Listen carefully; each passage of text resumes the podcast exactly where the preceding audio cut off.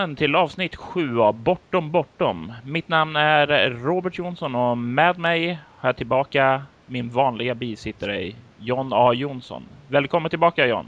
Hej, hej internet. Idag ska vi tala om det första av tre ämnen som berör Gaias hjärta. Och det här är de tre grundpelarna i Bortom, nämligen magi, drömmar och själskraft.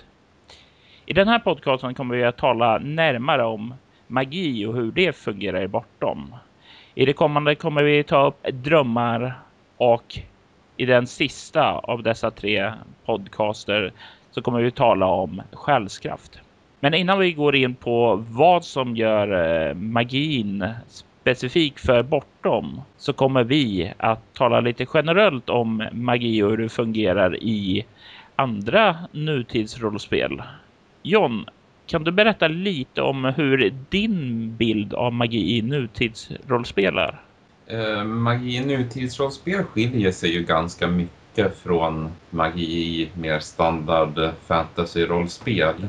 Ja, det är precis. Det är ju inte massa eldbollar och sådant som viner omkring i eh, vardagen för karaktärerna. Nej, inte direkt. Det starkaste bandet jag har med just magi, så att säga, om man säger just magi och inte bara övernaturliga saker. Man kan ju diskutera om magi är övernaturligt, är det övernaturliga då magi? Men om man tänker just magi, så det bästa förhållande jag har där är ju i Call of Cthulhu i min jättelånga Delta Green-kampanj till exempel. Ja, och eh, innan vi hoppar vidare med lite tankar om det så kanske det är eh, bra att diskutera en sak som du berörde. Vi kanske ska specificera exakt vad vi menar med magi. Vad eh, tänker du på när man just säger ordet magi? Vad är det för dig? Jag tänker mig magi mer som någonting som skapas. Det vill säga man skapar en magisk besvärjelse. Det är väl lite så jag tänker. Mer snarare än att liksom det är någonting som är. Okej, okay, det är någonting som skapas, inte någonting man skapar med. Nej, men man kan ju säga att magi kan ju liksom i vissa spel härstamma från magiska noder eller kraften eller cornflakes eller vad som helst. Men att det jag tänker på när man tänker på magi nutidsrollspel, det är liksom mer nyttjande av magi. Hur en person nyttjar det, hur en person lär sig använda det så att säga. Sen lär sig besvärjelser och ritualer snarare än att hitta en magisk plats. Det gäller att dra alltså med andra ord en skillnad mellan eh, magi och låt oss säga ESP, alltså telekinesi och liknande. Det är inte samma sak för dig då, John? Det kan vara det, men det behöver inte vara det. Okej. Okay. Eh, låt oss hoppa tillbaka vad du sa. Du eh, sa att du hade en lång Delta Green-kampanj. Eh, Hur använder du magi i den kampanjen? Eh, den kampanjen, Emerald Shards som den kallas, har pågått sedan 2007. Och det är först de senaste kanske två åren som jag haft spelare som har nyttjat magi själv. För jag gett dem som handouts liknande ritualer för att göra olika saker. Och de hittar böcker där de kan lära sig magi. Och då har de vid något tillfälle nyttjat den. Är det då när de då får tillgången till den här eh, magin då? Är det för ett specifikt syfte som till exempel fördriva det här monstret eller den här kan bara användas vid det här datumet när eh, stjärnorna står rätt eller är det någonting som kan återbrukas om och om igen? Eh, de har ju hittat besvärjelser som kan användas gång på gång och som jag tror aldrig något tillfälle de faktiskt vågat använda det mer än en gång. Den första magin som jag kommer ihåg att de fick tag i som var en riktig magi, det var från ett äventyr som finns i äventyrsboken The Stars Are Right. Ett äventyr som heter The Fire Shall Kill. Där man hittar en, en besvärjelse för att fördriva ett monster. Mm. Och den använde ju de i den spännande slutscenen när de stod uppe på Bank of New York och skulle driva bort en elddemon. Det var väldigt spännande. Men det är ju det här typiska, även som vi ser i tv-serier och liknande, att de hittar en eh, besvärjelseritual för ett specifikt syfte. Och sen så får man aldrig mer se den igen då. Kan vara. Sen en annan sak som jag har kört på väldigt starkt på. Det är att jag aldrig berättat för spelarna vad magierna gör. De har bara liksom det namnet som följde med. Men sen vad namnet kan betyda, det, det vet de inte. Jag tror mycket det som gör att de är väldigt, väldigt, väldigt sparsamma med magi. För att de vet inte vad det kan vara för någonting.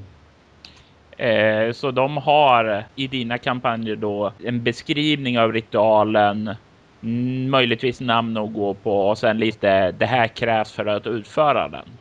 Ja, precis. Men de vet inte vad resultatet är och det har jag inte berättat för dem off heller. Och det tror jag är en väldigt bra grej du gör där John, att just inte berätta och lägga allting svart på vitt. För då blir ju magin verkligen någonting subtilt och väldigt mystiskt. Precis. Vad är det viktiga då som du tänker som spelledare när du delar ut eh, magiskt kunnande till karaktärerna? Eh, det är olika. Det är inte alltid jag har delat ut utan i vissa, jag har kört mycket på att de magier de har är sådana som de hittar. Till exempel i äventyr kan det ju vara en, en grundpelare i ett äventyr kan ju vara att eh, de är ute efter en magiker som har lärt sig en ond besvärjelse ur en ond bok. Och när de sen räddar personen i frågas hus, då hittar de den boken. Och sen eh, göra lite vad de vill med det. Ja, och då kanske det är tid att fråga vilken typ av äventyr du spelar. Du spelar mest eh, köpta färdiga äventyr eller skriver du egna? Det är väldigt blandat. Som jag sa i den här kampanjen som är den längsta kampanjen jag har spelat har det varit väldigt blandat mellan skrivna äventyr och egenpåhittade.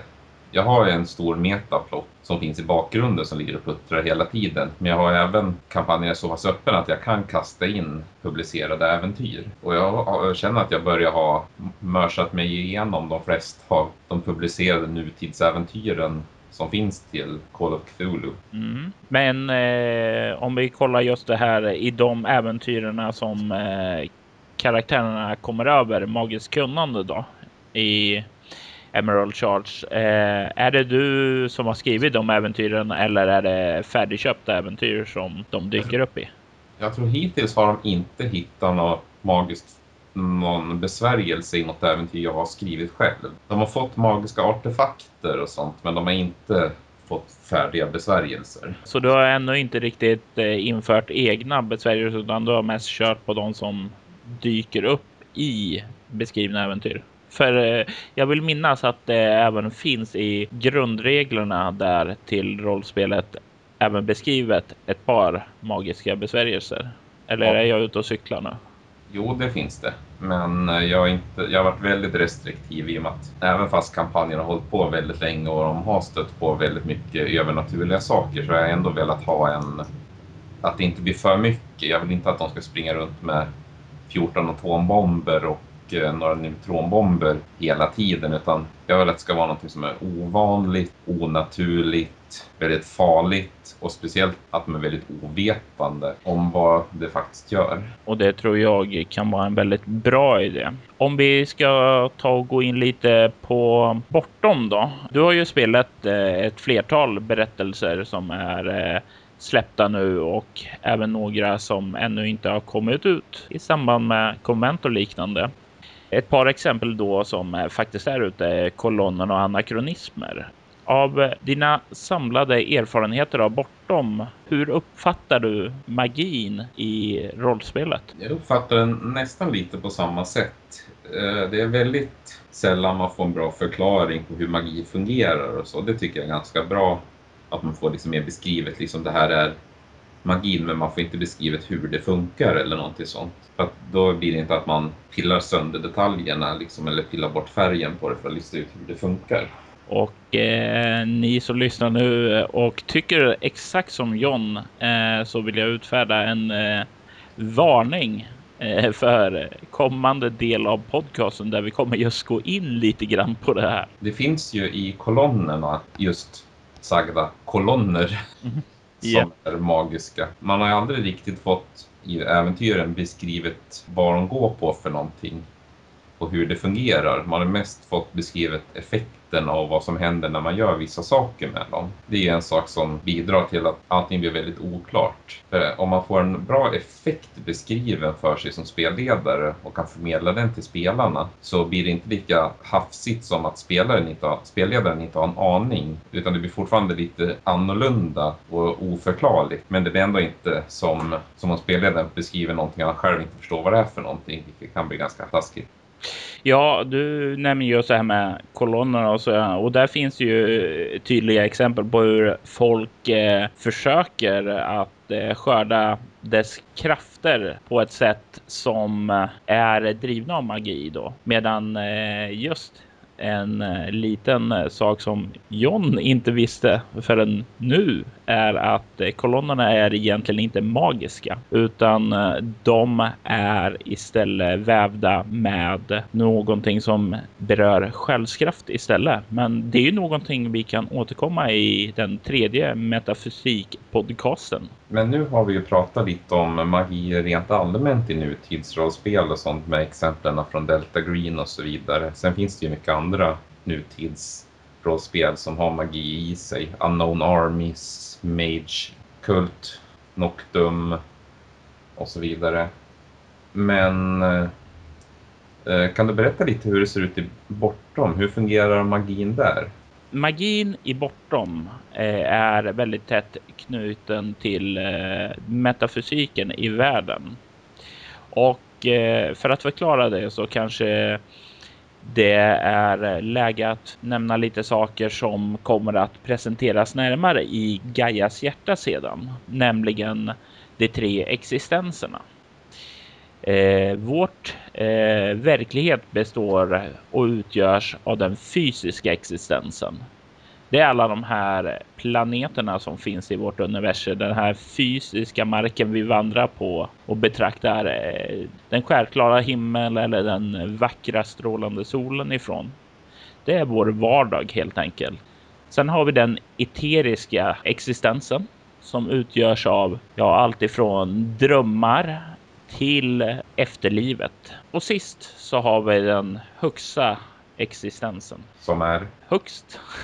okay. det, det, är ett eh, tillstånd eh, som eh, inte en människa kan förstå och uppleva. Skulle hon förnimma en sann del av den högsta existensen så skulle hon som bäst bli galen, som värst implodera i ingenting. Det är någonting som är helt verklighets främmande för människor. Det är från eh, kaos eh, som bildades därifrån som universumet skapades. I den här högsta existensen finns det varelser eh, på ett plan som bedriver en kamp mot varandra.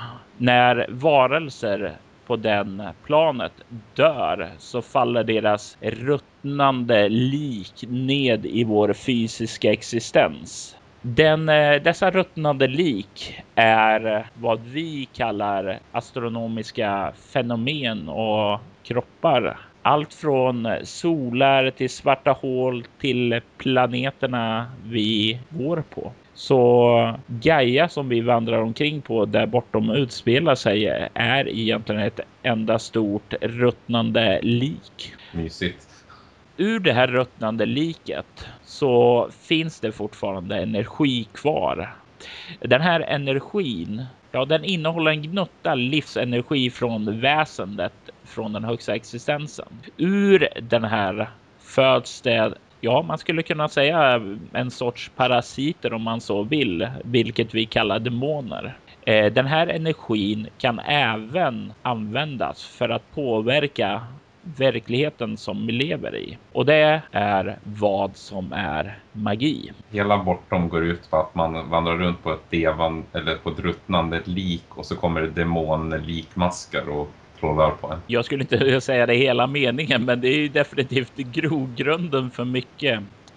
Det här är ju saker som inte påverkar berättelserna i sig så mycket, men det är en del av metafysiken att det finns. Eh, ja, när du har en magi så behöver du ha en förklaring till hur den kom till och existerar i världen tycker jag. Jag, jag gillar när du har en metafysik som hänger ihop och går att förklara. Ja. Och i Bortom så blir det just det mysiga som du säger med att vandra omkring i en värld av död och konfronteras av likmaskar där man kan bruka demonisk energi. Så nästa utgåva av Bortom kommer alltså heta Kompost? Jag kan varken bekräfta eller förneka dessa uppgifter.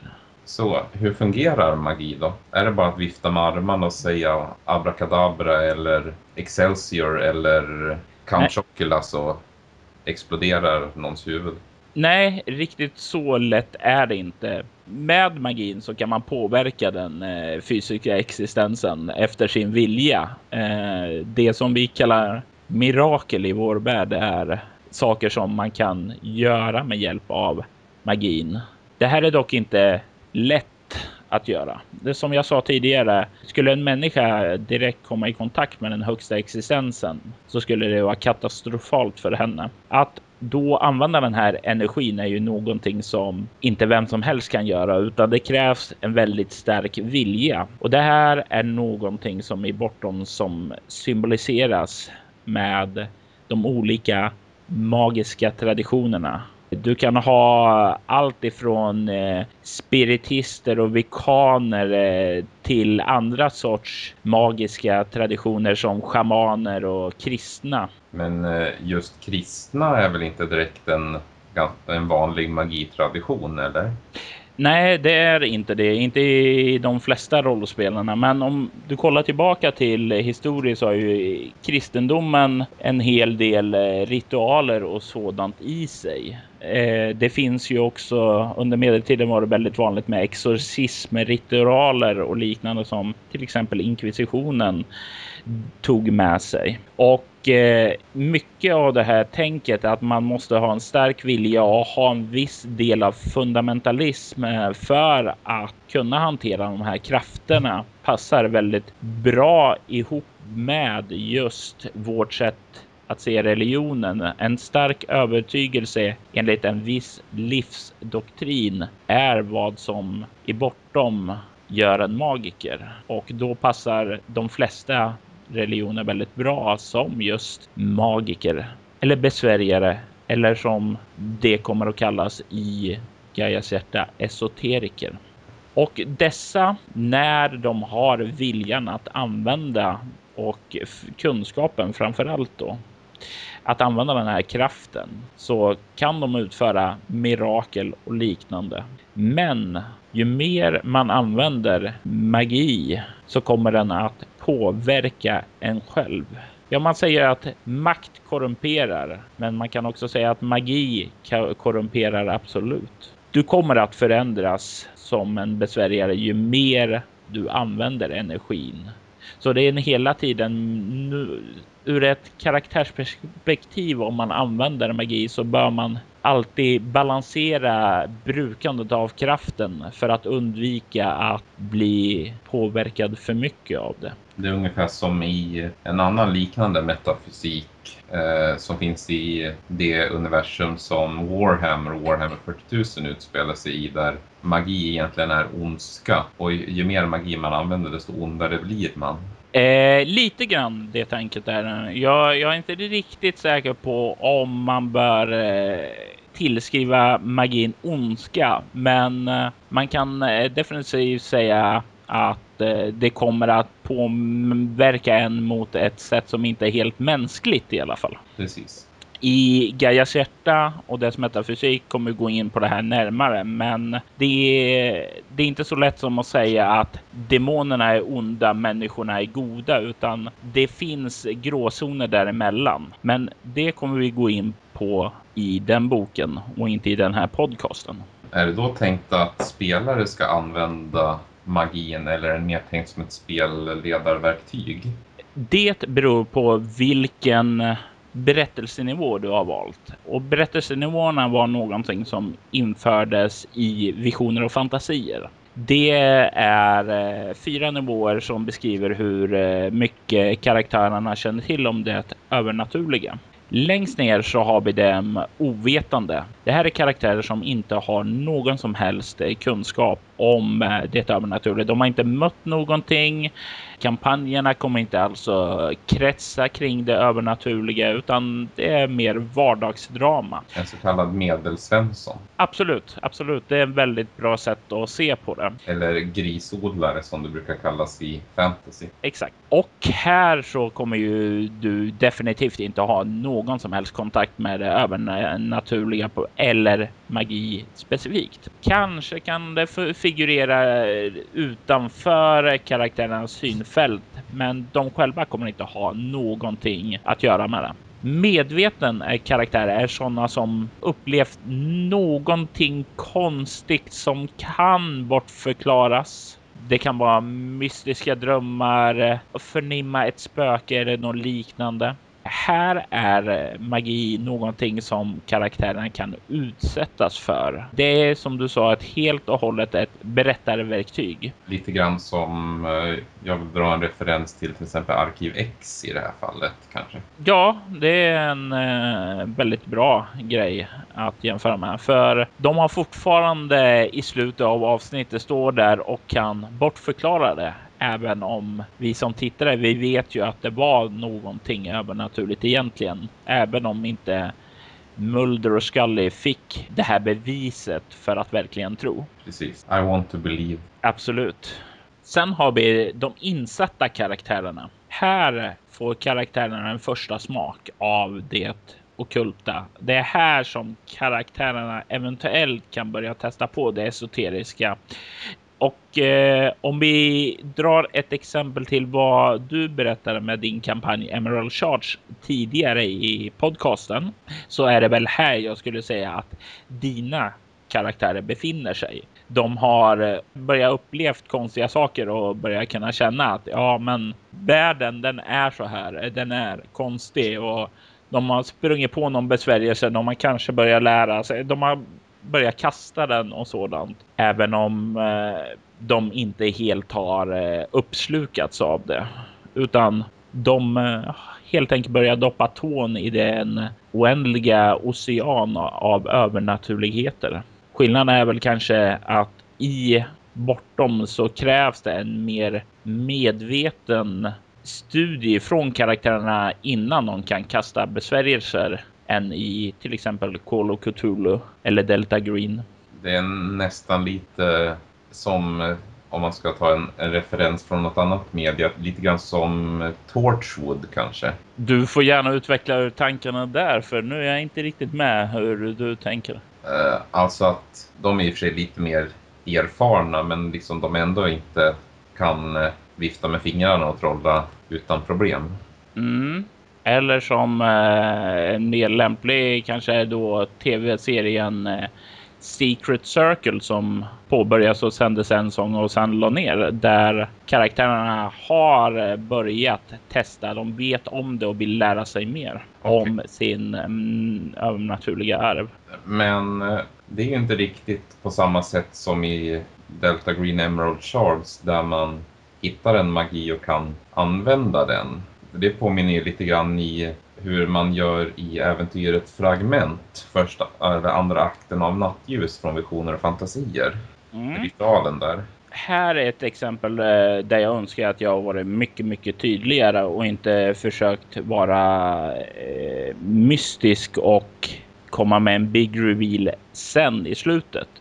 Så som det är skrivet nu så ser allting ut som att karaktärerna hittar eh, en ritual behöver samla ihop ingredienserna till ritualen och sen bara utföra den de kastar. Och det är inte riktigt vad som händer utan eh, karaktärerna ska egentligen för att kunna kasta magi behöva finna en magisk tradition, lära sig den, bli trogen den innan de kan börja använda sitt esoteriska kunnande. Men vad som händer i själva äventyret är att den osedda fienden som finns i berättelsen hjälper till och eh, ja, bästa sättet kan man väl säga att eh, han eller hon boostar karaktärerna med magisk energi. Med andra ord, slagen som eh, karaktären gör för att se hur väl de lyckas använda den här boostade energin som de ges.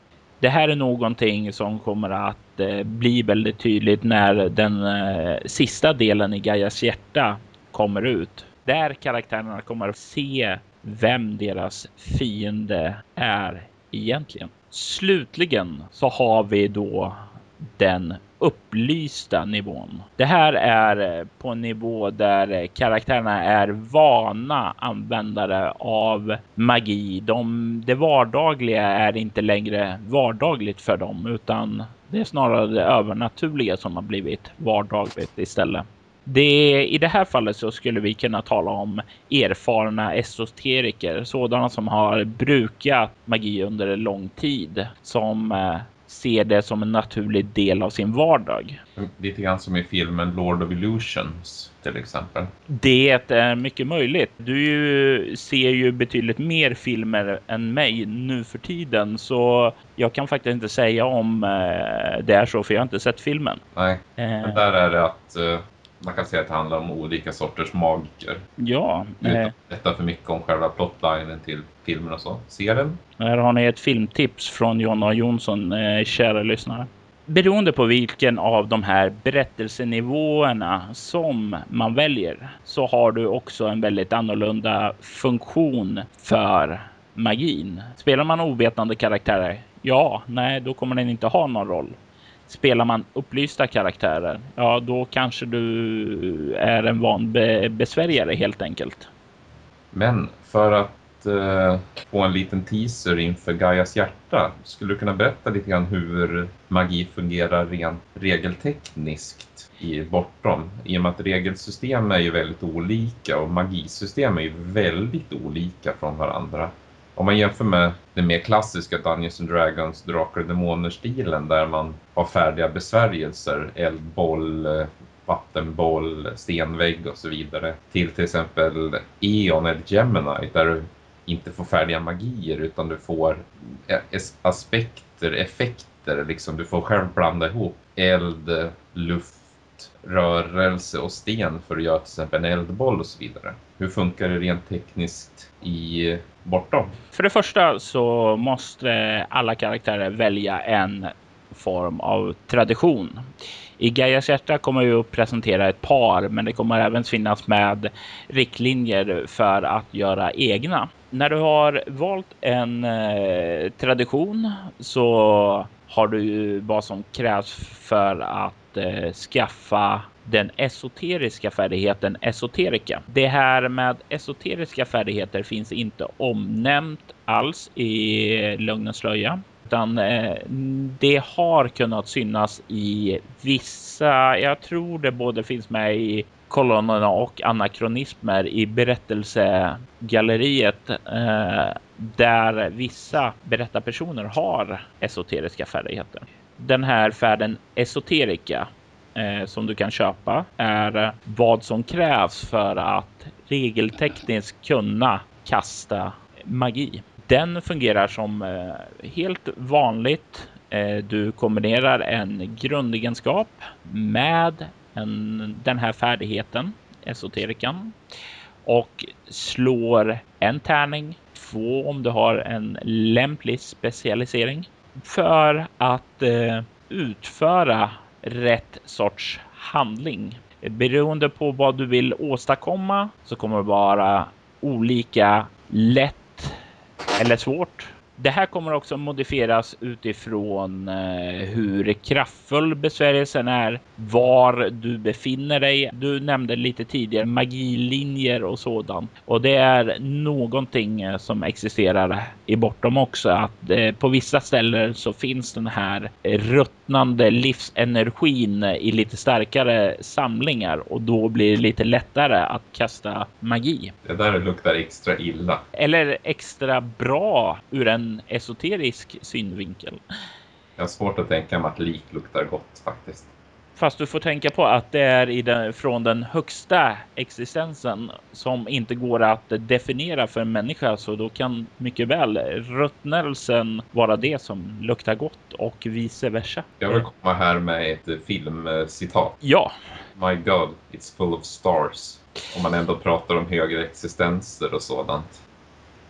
Så i grunden är tanken detsamma som i regelsystemet att använda färdighet och egenskap mot en svårighetsgrad. Det är inte ett subsystem. I Gaias hjärta kommer jag också ta och beskriva eh, några besvärjelser och hur de kan se ut. Men eh, mycket också tanken att du ska få de verktyg som du behöver som berättare för att skapa dina egna besvärjelser också. Men i grunden så är eh, magisystemet i bortom likadant som ja, alla andra färdigheter i själva lögnens slöja. Det stora skillnaden är att det är mycket svårare att eh, lära sig esoterikan och att den är eh, betydligt. Ja, du kan inte lära den hur som helst. Det finns inga kvällskurser att läsa på komvux, utan du måste finna någon som kan lära det här. Det här. Vad tråkigt. Jag trodde man kunde söka på eh, Hogwarts och lära sig magi. Och med det så börjar det bli dags att avrunda. Du kan nå oss på bortom.nu eller på eh, Bortoms hemsida på Facebook. Ni kan även komma i kontakt med oss på att spela bortom på Twitter eller via mejlen på info.bortom.nu. John, hur nås du? Eh, generellt nås jag på de flesta former av telefon men jag tänker inte uppge mitt nummer. Eh, men vill ni ha tag på mig kan ni få tag på mig på john.jonsson.bortom.nu eller på min hemsida www.icarusdream.se och ni kommer aldrig hitta mig på Twitter.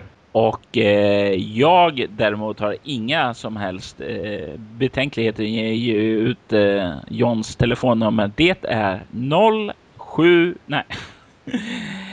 John, eh, säg hej då till våra lyssnare. Ha det!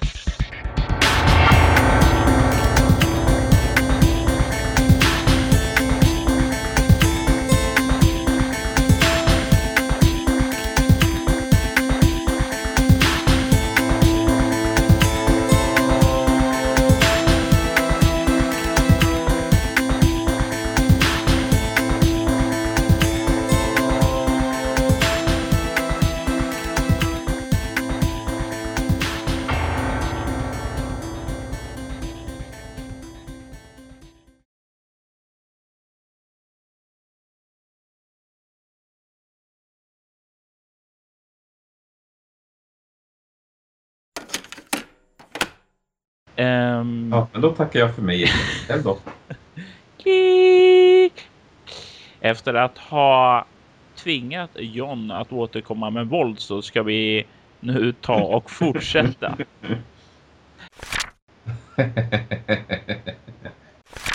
Ja, du, jag har inte så många urspårningar den här gången, men det blir några. Ja, du får gråta John.